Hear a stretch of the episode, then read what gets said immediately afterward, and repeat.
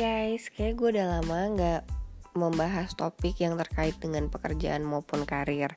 Nah, kali ini gue pengen membahas tentang salah satu subdivision di bawah divisi gue marketing yang perannya juga cukup krusial untuk suatu brand maupun untuk suatu institusi. Subdivision ini bernama digital marketing. Welcome back to my podcast Curhat 20-an with Mega Agnesti. Anyway, gue tuh sadar betul ya kalau usia 20-an kita itu emang harus bekerja keras untuk mencapai suatu level tertentu dalam karir dan itu pun yang gue lakukan selama gue berusia mid 20 sampai dengan saat ini dan pada akhirnya membawa gue ke posisi yang sekarang. Nah, bisa dibilang kalau digital marketing itu adalah salah satu kunci kesuksesan gue karena melalui bidang ini karir gue itu jadi terus naik naik naik dan naik. Karena apa? Kalau kita membicarakan digital marketing, ini adalah semacam ilmu baru, di mana nggak semua kampus memiliki major ini, nggak semua kampus juga punya mata kuliah ini, dan digital marketing itu kalau di kelas ataupun di kursus-kursus kan lebih banyak tentang teori ya. Sementara digital marketing buat gue harus secara praktek karena kalau teori doang nggak praktek kayak kita tuh nggak bisa paham gitu gimana sih situasi yang sesungguhnya dan gimana sih analisis sesungguhnya gitu dan karena gue men bisa mendapatkan pelajaran otodidak terkait dengan digital marketing ini sama how gue jadi lebih paham dalam waktu singkat dan pada akhirnya bisa memberikan hasil pekerjaan gue uh, ini menjadi sebuah portofolio yang cukup menguntungkan buat gue. Dan pada akhirnya ketika gue ada di posisi gue yang sekarang nyari anak di digital marketing tuh emang susah banget karena nggak semua orang tuh paham. Dan waktu gue sempet cerita-cerita dengan salah satu digital agency consultant gue dia juga bilang bahwa opportunity di digital marketing ini emang cukup tinggi. Dan karena memang masih sedikit orang yang benar-benar paham tentang strateginya tentang implementasinya dan sampai dengan analisisnya jadi lapangan kerja untuk digital marketing tuh masih cukup banyak banget Nah kali ini gue gak akan membahas tentang lapangan kerja yang terkait dengan digital marketing, tapi lebih memberikan basic basic memberikan basic knowledge tentang digital marketing itu sendiri. Well anyway, sebelum gue melanjutkan tentang basic knowledge digital marketing, gue pengen kayak kasih lihat ke kalian gitu, gimana sih digital marketing ini di masa lalu bisa membantu gue sampai mencapai posisi karir gue saat ini. Yang pertama, waktu gue kuliah, tentu saja mata kuliah gue itu nggak ada yang terkait dengan digital marketing, hanya e-commerce saja. Dan e-commerce itu pun very simple system yang diperkenalkan di kampus. Itu pun kayak gue tuh belum ada bayangan gitu, karena waktu itu yang tahun 2008 yang udah bisa dibeli pakai e-commerce tuh belum banyak gitu. Dan company pertama yang menggunakan e-commerce channel itu saya ingat gue ya adalah Garuda Indonesia waktu itu udah bisa beli tiket online. Nah setelah lulus kuliah gue juga masih belum paham nih tentang apa itu digital marketing. Cuman karena memang gue mengawali karir di bidang promotion, marketing tapi marketing promotion gitu ya. Gue tuh kenal digital marketing secara simple karena waktu itu marketeers itu udah menggunakan Twitter sebagai media untuk promosi produk karena memang saat itu Twitter tuh udah sangat impactful ya. Udah banyak seleb tweet, udah banyak influencer yang membantu brand untuk memasarkan produknya melalui tweet-tweet mereka. Nah lanjut ke tahun 2014 Waktu itu gue masih di posisi Marketing Communication Supervisor Gue udah sempat menangani kontrak dengan brand ambassador Nah, dalam kontrak itu pun sudah disebutkan bahwa seorang brand ambassador memiliki kewajiban untuk upload beberapa post di Instagram untuk promosi produk brand ini gitu. Jadi memang masih sangat simpel ya karena semuanya masih menggunakan endorser atau influencer untuk membantu memasarkan produk. Nah puncaknya di tahun 2017 waktu itu gue kerja untuk e-commerce fashion dan di sinilah gue belajar banyak mengenai digital marketing. karena memang platform utama gue adalah e-commerce yang awalnya memang cuma dari social commerce ya jualannya kayak lebih di Instagram, sosial media maupun ke forum-forum online pada akhirnya owner dari e-commerce ini uh, take the big leap untuk memulai e-commerce jadi orang bisa membeli produknya dari website langsung dari website company gitu kan nah gue harus memasarkan toko online ini dong ke berbagai platform. Akhirnya gue kenal yang namanya Instagram Ads, Facebook Ads, dan Google Ads. Dan masing-masing platform ini guys punya beberapa opsi untuk memberikan uh, ads-nya kayak misalnya uh, KPI-nya mungkin hanya impression, hanya likes atau bisa juga mengunjungi toko terdekat gitu. Nah, di development selanjutnya orang tuh ada yang namanya Facebook Shop di mana lo tuh bisa ngasih lihat harga produk lo di Facebook Ads lo dan bisa langsung ke e-commerce lo gitu. Jadi bisa dibilang satu persatu iklan digital ini gue pelajari trial and error punya sesi konsultasi bersama konsultan dari Facebook dari Instagram dan juga dari Google. Dan ini tuh sangat membantu banget sih karena memang dashboardnya si Facebook dan Google ini sebenarnya ya kalau kita tahu data itu very simple dan very easy. Karena kalau dibandingin dengan marketing konvensional di mana lo taruh poster, lo taruh billboard, lo kasih brosur, lo nggak pernah tahu gitu. Sebenarnya dari seribu yang lo kirim yang orang terima tuh beneran terima tuh berapa? Orang yang beneran buka tuh berapa? Orang yang pada akhirnya balik ke toko lo cuma buat lihat-lihat tuh berapa? Orang yang datang ke toko lo lihat-lihat dan akhirnya beli tuh berapa? Itu tuh nggak bisa terukur. Sementara kalau menggunakan digital ads semuanya itu sangat terukur. So you know itu tuh menurut gue adalah teknologi yang sangat apa ya magic gitu. Di mana investment lo di marketing budget bisa langsung kelihatan dari dashboard analisis mereka. So it's kinda it's kinda big thing sih in marketing industry gitu. Nah, semenjak gue menangani e-commerce fashion ini dan ternyata semuanya berjalan dengan lancar, mulailah gue mendapatkan kesempatan untuk menjadi speaker di beberapa acara.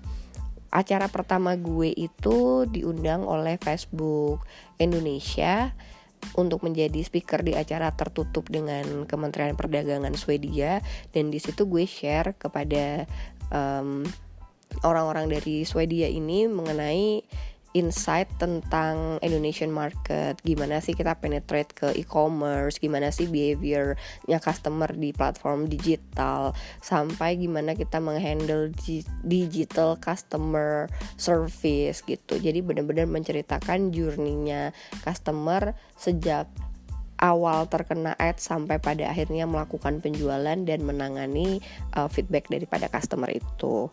Selanjutnya di tahun yang sama gue diundang oleh Instagram Singapore. Well, sebenarnya Instagram Indonesia, cuman orang PIC-nya ini dari Singapore gitu kan. Jadi waktu itu gue jadi speaker dengan audience uh, para social commerce atau orang-orang yang jualan di Instagram untuk menceritakan gimana sih Instagram Ads itu bisa membantu orang untuk meningkatkan awareness brand mereka dan pada akhirnya meningkatkan penjualan gitu.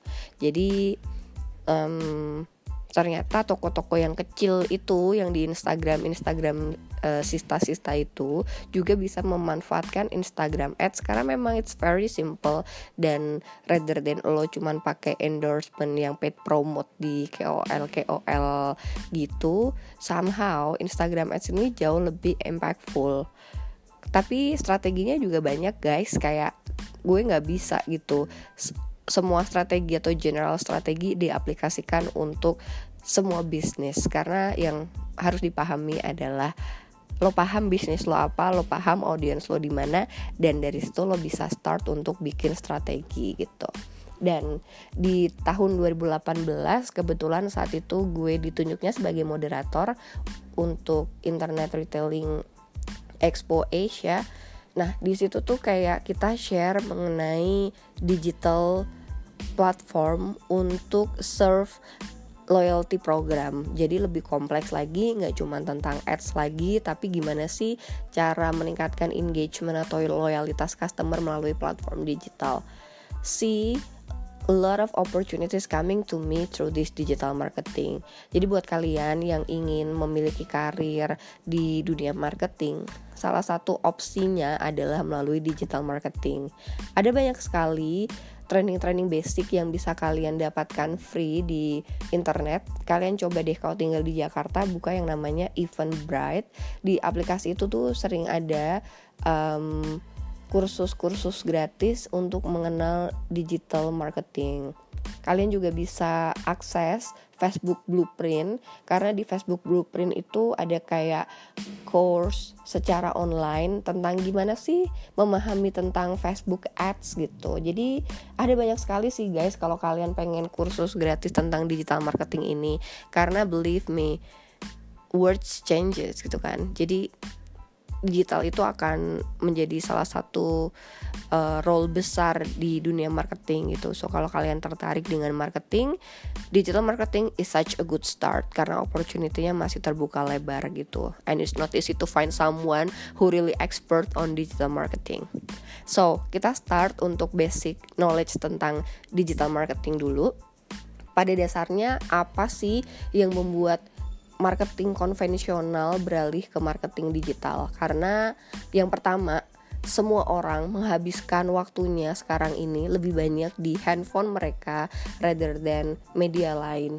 Kayak kebayang gak sih kita tuh udah lebih banyak nonton YouTube dibanding nonton TV kita lebih sering baca online news yang ada di online uh, online media kayak Line Today misalkan atau Detikcom atau Kompas.com atau majalah-majalah yang online. Kayak misalnya sekarang I don't know kalau yang dari printed ke online kan ada kayak cosmopolitan.co.id ada juga um, apa sih kalau cowok-cowok mungkin mungkin bola kali ya itu kan ada versi online-nya kan atau Provoke magazine gitu. Nah, tapi ada juga yang uh, benar-benar forum-forum baru, media-media online baru yang bisa mengalahkan keberadaan media cetak kan. Kayak misalnya Female Daily Network, terus juga um, mungkin cewek-cewek suka baca ini gak sih? Kayak dream dream.co.id I guess. Atau as simple as kita lebih banyak ngabisin waktu baca IDN Times rather than the actual koran gitu jadi karena behavior dari customer ini berubah lebih banyak berinteraksi dengan dunia digital, so sebagai seorang advertiser pada akhirnya kita akan mencari media yang sering diakses oleh customer. Itu adalah hal yang pada akhirnya switching membuat marketing marketer itu switching dari konvensional media ke digital media. Nah, kalau dilihat dari journey customer pun juga mengalami perubahan gitu. Kalau dulu kan konvensional marketing akan naruh iklannya tuh di billboard, di koran, di majalah, di poster gitu kan. Nah, ketika membicarakan konvensional marketing, maka journey adalah orang itu akan aware, kemudian uh, aware itu adalah mereka itu melihat iklan kita yang tadi gue sebutin di media-medianya seperti billboard dan um, brosur tadi. Kemudian langkah selanjutnya dari customer behavior di conventional marketing adalah attitude. Mereka tuh akan mencari tahu um, produk ini tuh memenuhi kebutuhan gue nggak sih gitu. Nah, ketika akhirnya mereka merasa bahwa produk ini sesuai dengan kebutuhan mereka, maka mereka akan melakukan act atau melakukan pembelian terhadap produk tersebut. Dan ketika dia puas dengan produknya, dia akan act again atau melakukan repurchasing. Nah, berbeda dengan conventional marketing, ketika kita membicarakan digital marketing, journey customernya itu jauh lebih kompleks. Yang pertama, orang itu akan melihat iklan di sosial media mungkin karena memang mereka lebih banyak akses sosial media kan sekarang-sekarang ini. Misalnya lihat Instagram ads produk A di uh, Instagram gitu kan. Lalu mereka akan uh, appeal gitu atau merasa tertarik dengan produk tersebut. Jadi dia akan mulai googling tentang produk ini. Nah, abis dia googling, cari tahu tentang produk tersebut, nyari review-reviewnya, nyari company websitenya, maka dia akan ask atau bertanya terhadap teman-teman terdekatnya atau nyari tahu tentang produk ini dari reviewnya KOL gitu kan. Pokoknya kalau as ini adalah bertanya kepada orang-orang yang dia percaya gitu kan. Terakhir, ketika dia ngerasa produk ini ternyata um, informasinya sesuai dengan yang dia butuhkan, teman-temannya pun menyarankan, maka dia akan melakukan pembelian. Cuman ketika membicarakan customer masa kini, setelah beli, mereka itu nggak cuman beli aja, tapi memberikan advocate. Jadi mereka akan membuat review baik review yang bagus ataupun yang buruk tentang produk ini. Mereka itu akan share mengenai pengalaman mereka menggunakan produk ini. Jadi um, memang kalau kita membicarakan customer sekarang tendensinya lebih banyak yang share ya jadi mereka bisa lebih bebas berekspresi dalam menyampaikan pendapat. Misalnya bikin review di Insta Story, di Instagram post, di YouTube bahkan atau juga bisa bikin review di blognya dia atau forum-forum yang dia ikuti. Jadi gitu ya kalau ngomongin behaviornya customer di zaman dulu sama zaman sekarang tentu berbeda. Kalau zaman dulu mereka itu cuman aware attitude act then act again. Sementara kalau customer masa kini mereka aware appeal ask act and then advocate. Nah di situlah celah-celah yang bisa dimanfaatkan oleh digital marketing untuk memberikan exposure terhadap produknya. Mulai dari aware, kita bisa menggunakan uh, paid media kayak misalnya Facebook Ads, Instagram Ads, YouTube Ads. Nah di sini tuh kayak kita harus kayak kasih lihat gitu bahwa secara visual produk kita itu menawarkan solusi pada masalah-masalah mereka. Misalnya masalahnya adalah jerawat gitu kan. Jadi kita kasih lihat iklan tentang produk untuk menghilangkan jerawat gitu dari situ kan mereka nanti akan appeal ya akan mencari tahu lebih lanjut tentang produk kita Nah, biasanya tuh yang paling simpel mereka tuh akan googling. Googling uh, misalnya produk terbaik untuk menghilangkan jerawat atau langsung cari tahu tentang merek kita. Nah, dari itu dia akan lihat di company website, dia akan lihat blog review tentang produk jerawat tadi akan mencari tahu dari media yang dia suka atau forum yang dia suka ini tuh bagus nggak sih produknya gitu? Bahkan dia juga bisa mencari tahu di YouTube review tentang produk tersebut. Karena sekarang kan gitu ya apa namanya kayak orang tuh banyak yang suka bikin review-review di YouTube gitu. Bahkan orang biasa pun juga suka nggak harus yang selebritis atau bener-bener influencer yang terkenal gitu kan. Nah setelah dia cari tahu review dia masih uh, menimbang-nimbang lagi nih. Jadi dia nanya ke temannya eh, lo udah pernah pakai produk jerawat A ini nggak sih? Atau misalkan hmm, dia nyari tahu di influencer ini pernah nyoba nggak ya? Nah saat dia bertanya-tanya tentang hal tersebut marketers juga harus tahu gitu placement iklannya harusnya di mana sih apakah melalui um, influencer yang terpercaya untuk membahas tentang produknya atau di forum-forum dia kasih lihat uh, review produknya di situ atau mungkin ada review di e-commerce platform. Jadi kan kadang orang kalau udah saking keponya dia nggak cuma nyarinya di company website ya, tapi dari e-commerce gitu. Nah di e-commerce misalnya dia langsung go through your page, langsung lihat oh produk A jerawat, udah berapa banyak yang beli, udah berapa banyak yang kasih review. Nah di situlah perlu adanya placement dari marketing juga. Terakhir ketika pada akhirnya dia membeli, pastikan dia membeli dengan kemudahan kalau misalnya di offline toko lo tuh gampang dicari gitu di sini pun kalian udah bisa bikin ads gitu. Adsnya adalah purchase intent di mana misalnya di Facebook nih kayak lo tuh bisa kasih iklan ke dia. Ketika dia buka Facebook dan deket sama toko lo lo bisa ngedrive dia ke toko terdekat. Yep bisa sampai segitunya. Atau misalkan hmm, dia malas nih tipenya untuk keluar rumah.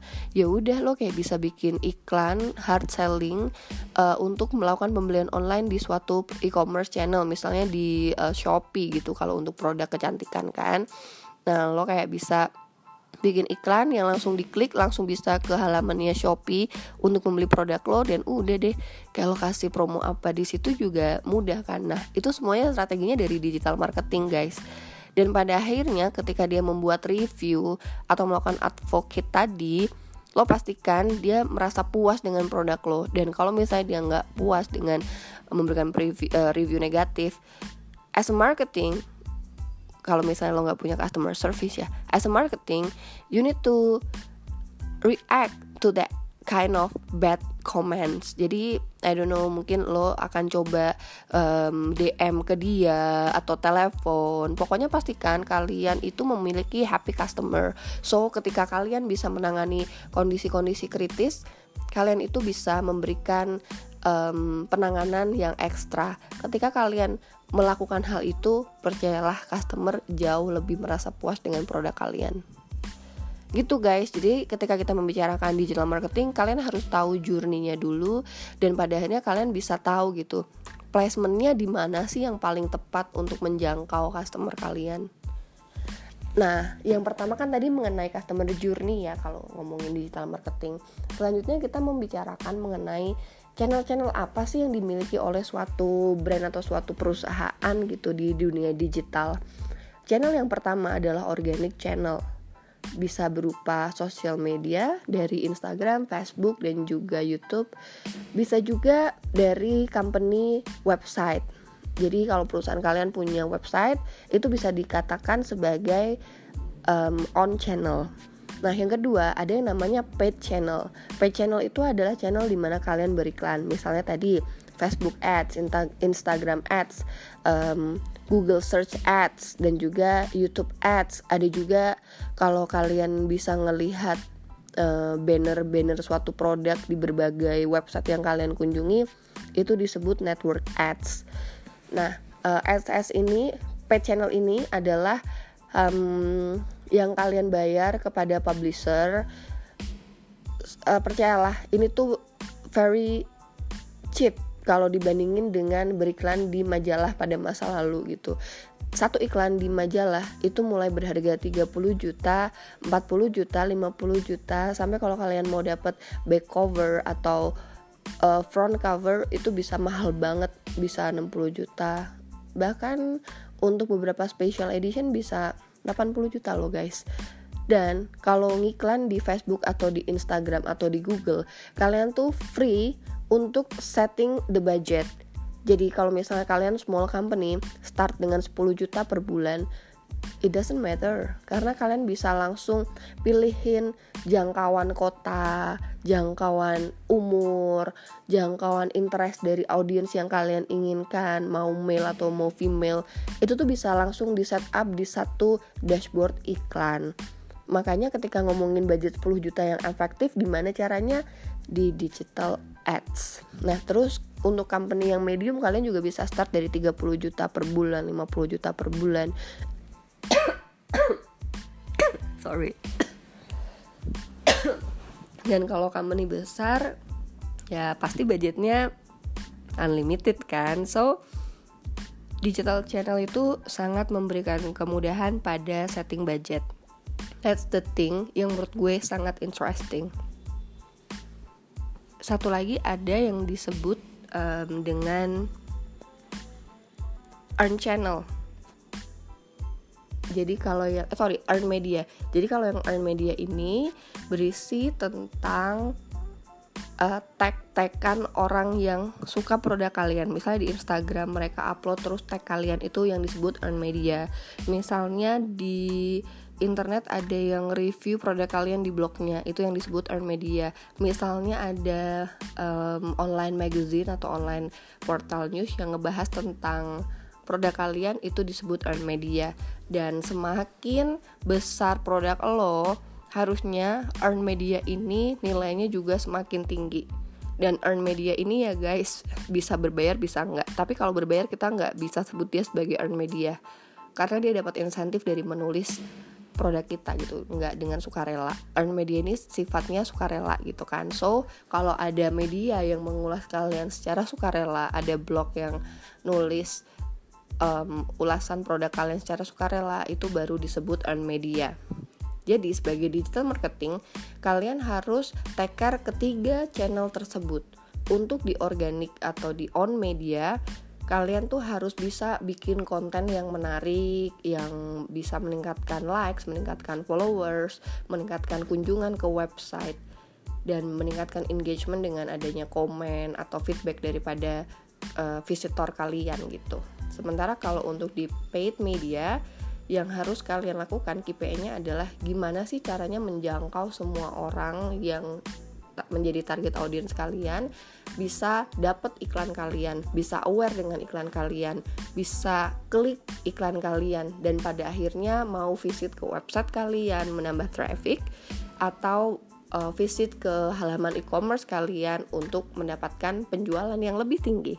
Itu adalah tugas dari um, orang yang in charge di paid media. Dan kalau di earn media ini lebih ke PR. Jadi gimana sih caranya mendapatkan lebih banyak review dari pengguna sosial media kayak the real customer atau uh, influencer. Terus gimana caranya dapat exposure di blog tentang produk kalian dan juga dapat exposure dari media tentang produk kalian. Dan ketiganya ini harus seimbang, guys. Nah, yang terakhir ketika membicarakan digital marketing adalah mengenai konten dan placement. Yang paling utama ketika kalian ngelihat iklan digital, gimana sih caranya iklan kalian itu menarik gitu. Jadi orang mau klik atau enggak mau baca atau mau ngasih feedback terhadap iklan kalian. Pada akhirnya sih ketika kalian ingin memperkenalkan suatu produk, bikinlah konten yang memorable, bikinlah konten yang membuat orang tertarik untuk memberikan feedbacknya dan berilah konten yang relevan dengan audiens kalian. Ketika kita membicarakan produk uh, lipstick dengan membicarakan produk asuransi, tentu treatmentnya akan berbeda dong. Dan itu pun berlaku juga untuk every industry. Each industry pasti akan memiliki approach yang berbeda terhadap audiensnya. Produk mobil tentunya akan berbeda ketika kita membicarakan dengan produk tas gitu kan. So know your customer first and know how to approach to them melalui konten seperti apa sih yang menarik gitu.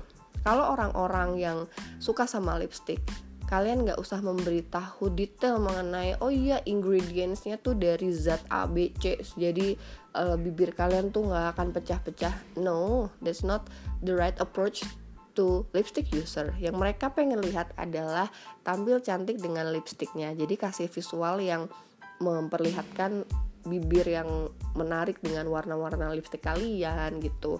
Dengan um, apa ya mungkin ambience party ambience yang no makeup makeup atau any ambience yang mereka kelihatan cantik gitu menggunakan lipstick tersebut.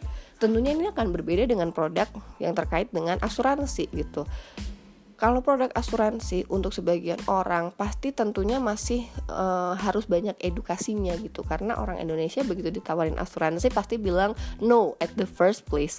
But how to turn no menjadi oh oke okay, kayaknya gue related tuh dengan konten ini gitu. Dan pada akhirnya mereka mencari tahu lebih dalam tentang produk kalian. Misalkan asuransi untuk pendidikan anak gitu kan gimana sih cara membuat mereka tertarik dengan asuransi pendidikan anak?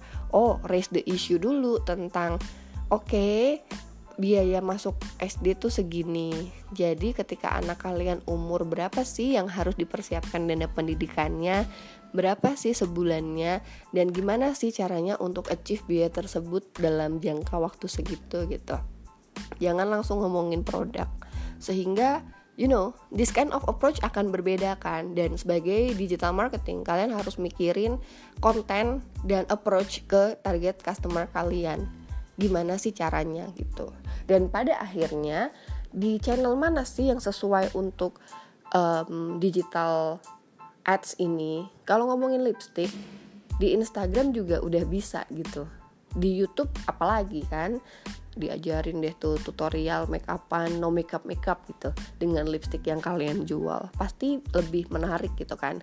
Tapi kalau insurance dimasukin ke Instagram gimana sih caranya um, biar orang tuh tertarik gitu kan? Mungkin pakainya bukan Instagram post tapi Instagram story dengan memberikan penjelasan atau uh, cerita terkait dengan dana pendidikan gitu. Dan pada akhirnya akan ada Instagram post tentang produk yang kalian jual. Tapi juga di website kalian nanti akan ada penjelasannya. Mungkin ada blog yang mereview tentang produk kalian tuh seperti apa.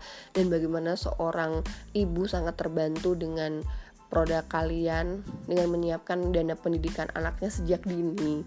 So kalian tahu kan bedanya tadi kalau yang pertama mungkin dia di Instagram post uh, ngomongin foto wanita dengan lipstick yang menarik dan ada lagi di YouTube channel dengan memberikan tutorial no makeup makeup gitu. Sementara kalau yang produk insurance tadi ada di Insta Story, ada series of um, story yang terkait dengan persiapan dana pendidikan, terus mungkin di Instagram post dilengkapi tentang cerita uh, bagaimana produk kalian tuh bisa memberikan solusi terhadap permasalahan orang yang ingin menyiapkan dana pendidikan. Kemudian nanti di website kalian ada penjelasan tentang produk dana pendidikan ini dan yang terakhir mungkin ada uh, blog review dari seorang ibu-ibu yang merasa terbantu dengan produk kalian dalam menyiapkan dana pendidikan anaknya.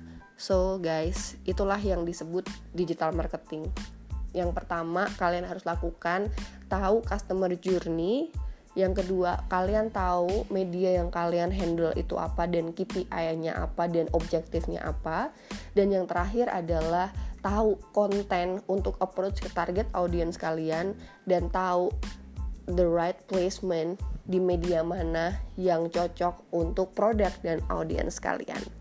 So that was the basic knowledge about digital marketing dan kemungkinan gue akan mengisi training mengenai digital marketing ini but masih dalam pembicaraan dengan salah satu pihak dan I'm so excited about this project. Karena nantinya yang akan hadir di acara ini uh, bukan cuman Indonesian tapi um, regional Asia Tenggara. So I'm very excited. I hope pengetahuan dasar tentang digital marketing ini juga bisa membantu kalian untuk yang ingin terjun ke dunia digital marketing. Dan believe me, opportunity-nya besar banget. So, do not waste your time untuk main Instagram aja, untuk main YouTube aja, but kalian harus tahu gimana sih caranya menggunakan sosial media tersebut untuk strategi pemasaran. Semoga bermanfaat ya. Sampai ketemu lagi. Bye bye.